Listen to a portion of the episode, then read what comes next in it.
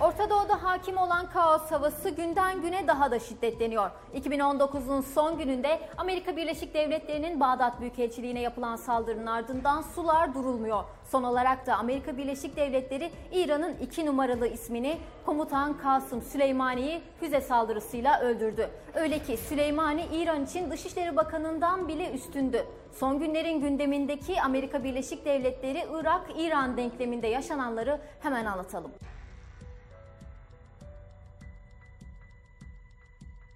Amerika Birleşik Devletleri Bağdat Havalimanı'nda Haçlı Şabi konvoyuna füze saldırısı düzenledi. Saldırıda İran'ın sevgili evladı yaşayan efsanesi denilen İran Devrim Muhafızları Ordusu'na bağlı Kudüs Gücü Komutanı Kasım Süleymani ve Haçlı Şabi Örgütü Başkan Yardımcısı Ebu Mehdi El Mühendis hayatını kaybetti. Aynı zamanda yerel kaynaklara göre Şii Milis Örgütü Haçlı Şabi Halkla İlişkiler ve Protokol Sorumlusu Muhammed Rıza Cabiri de öldürüldü.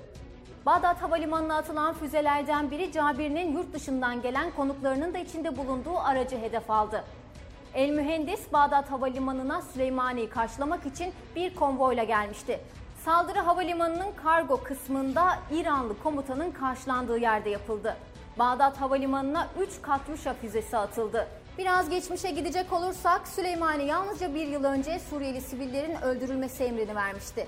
Suriye'de bombalanan sivillerle aynı akıbeti paylaştı. Bazı kaynaklara göre Süleymani'nin bedeni paramparça olmuştu ve onu ancak yüzünden tanıyabildiler. Başka kaynaklara göre ise vurulanların kimlikleri DNA testiyle doğrulandı. Amerika Birleşik Devletleri Başkanı Donald Trump'tan gelen ilk tepki ise ilgi çekiciydi. Trump Twitter'da Amerika Birleşik Devletleri bayrağını paylaşarak adeta saldırının Amerika Birleşik Devletleri tarafından düzenlendiğini onayladı. Pentagon tarafından hemen bir açıklama yapıldı. Açıklamada saldırının Donald Trump'ın emriyle yapıldığı, Süleymani'nin bölgedeki Amerikan diplomat ve askerlerine yönelik saldırı planları yaptığı ve Amerikan personelini korumak için savunma amaçlı atılan bir adım olduğu söylendi. Ardından Amerikan hükümeti Irak'taki vatandaşlarını ülkeyi derhal terk etmeleri çağrısında bulundu. Peki ne oldu da Amerika Birleşik Devletleri Irak'taki askerlerine ve diplomatlarına yönelik bir tehdit hissetti? Çok değil, sadece birkaç gün önce 2019'un son gününde Amerika Birleşik Devletleri'nin Bağdat Büyükelçiliği önünde bir kalabalık toplandı. Kalabalık elçiliğin binasını basarak içeri girdi, yaktı, yıktı. Önce Bağdat'ta hükümet binalarının bulunduğu korunaklı yeşil bölgedeki Amerika Birleşik Devletleri'nin Bağdat Büyükelçiliği'nin kapısını kırdılar. Ardından Amerikan karşıtı sloganlar atarak elçilik binasına girdiler. Bu kalabalık Irak'taki Şii milis gücü Haçlı Şabi taraftarlarıydı. Haçlı Şabi taraftarları Büyükelçiliğin ikinci giriş kapısını da kırıp ateşe vermişti. Binanın üzerine de halk tarafından kapatıldı yazmışlardı. Irak'taki Şii milis gücü Haçlı Şabi'ye bağlı Seyit Şüheda Tugayları komutanı Amerika'yı Irak'taki tüm askeri üslerini kuşatmakla tehdit etmişti.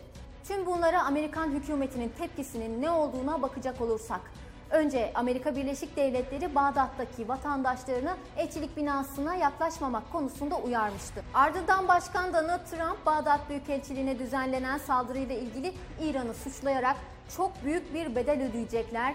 Bu bir uyarı değil, tehdittir demişti. Hamenei ise tüm bu suçlamaları tehditlere tereddütsüz sert bir darbe indireceğiz cevabıyla reddediyordu.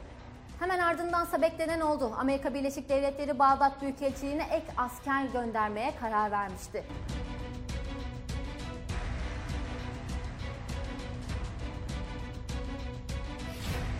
İşte Pentagon'a göre Süleymani, Irak ve Amerikan vatandaşlarının ölmesine ve yaralanmasına yol açan son birkaç ay boyunca Irak'taki koalisyon üslerine düzenlenen saldırıları azmettirmişti. General Süleymani, Amerika'nın Bağdat'taki büyükelçiliğine yönelik saldırıları da onaylamıştı. İran devrim muhafızlarına bağlı Kudüs gücünün komutanı Kasım Süleymani devrim muhafızlarının İran dışındaki kolunu yönetiyor. Daha önce de birçok kez suikast girişimi düzenlenen Süleymani Suriye ve Irak'ta kilit rol oynuyordu. Bu hamleyle şüphesiz ki ateşin üzerine körükle gidilmiş oldu. Düşünün ki Kasım Süleymani'ye İran'ın sevgili evladı yaşayan efsanesi deniyordu. Yani İran için bu denli önemli bir figürdü. İran'ın askeri anlamda bir numaralı ismiydi. Amerika'nın Orta Doğu'daki asker ve diplomatlarının güvenliği adına en fazla korku duyduğu isimdi. Kasım Süleymani, İran devrim muhafızlarının yurt dışındaki gizli operasyonlarını yürüten Kudüs gücünü 1998'den bu yana komuta ediyordu. Doğrudan İran lideri Ali Hamane'ye bağlıydı. İran'ın Afganistan, Suriye, Irak ve Lübnan'daki politikalarını yürütüyordu. 1998'den beri askeri istihbarattan sorumluydu. Trump tarafından terör destekçisi olduğu gerekçesiyle yaptırım listesine alınmıştı. İlk askeri cephe deneyimi terör örgütü YPG'ye karşıydı. Taliban'a karşı Kuzey İttifakı'nı desteklemişti. Saddam Hüseyin'in devrilmesinden sonra Amerikan ordusuna karşı savaşan Şiileri perde arkasından yönetmişti. Lübnan'da Hizbullah'ın eğitim alarak silahlandırılmasını sağlamıştı. Suriye rejimini güçlendirerek Esed'e güç takviyesi sağlıyordu.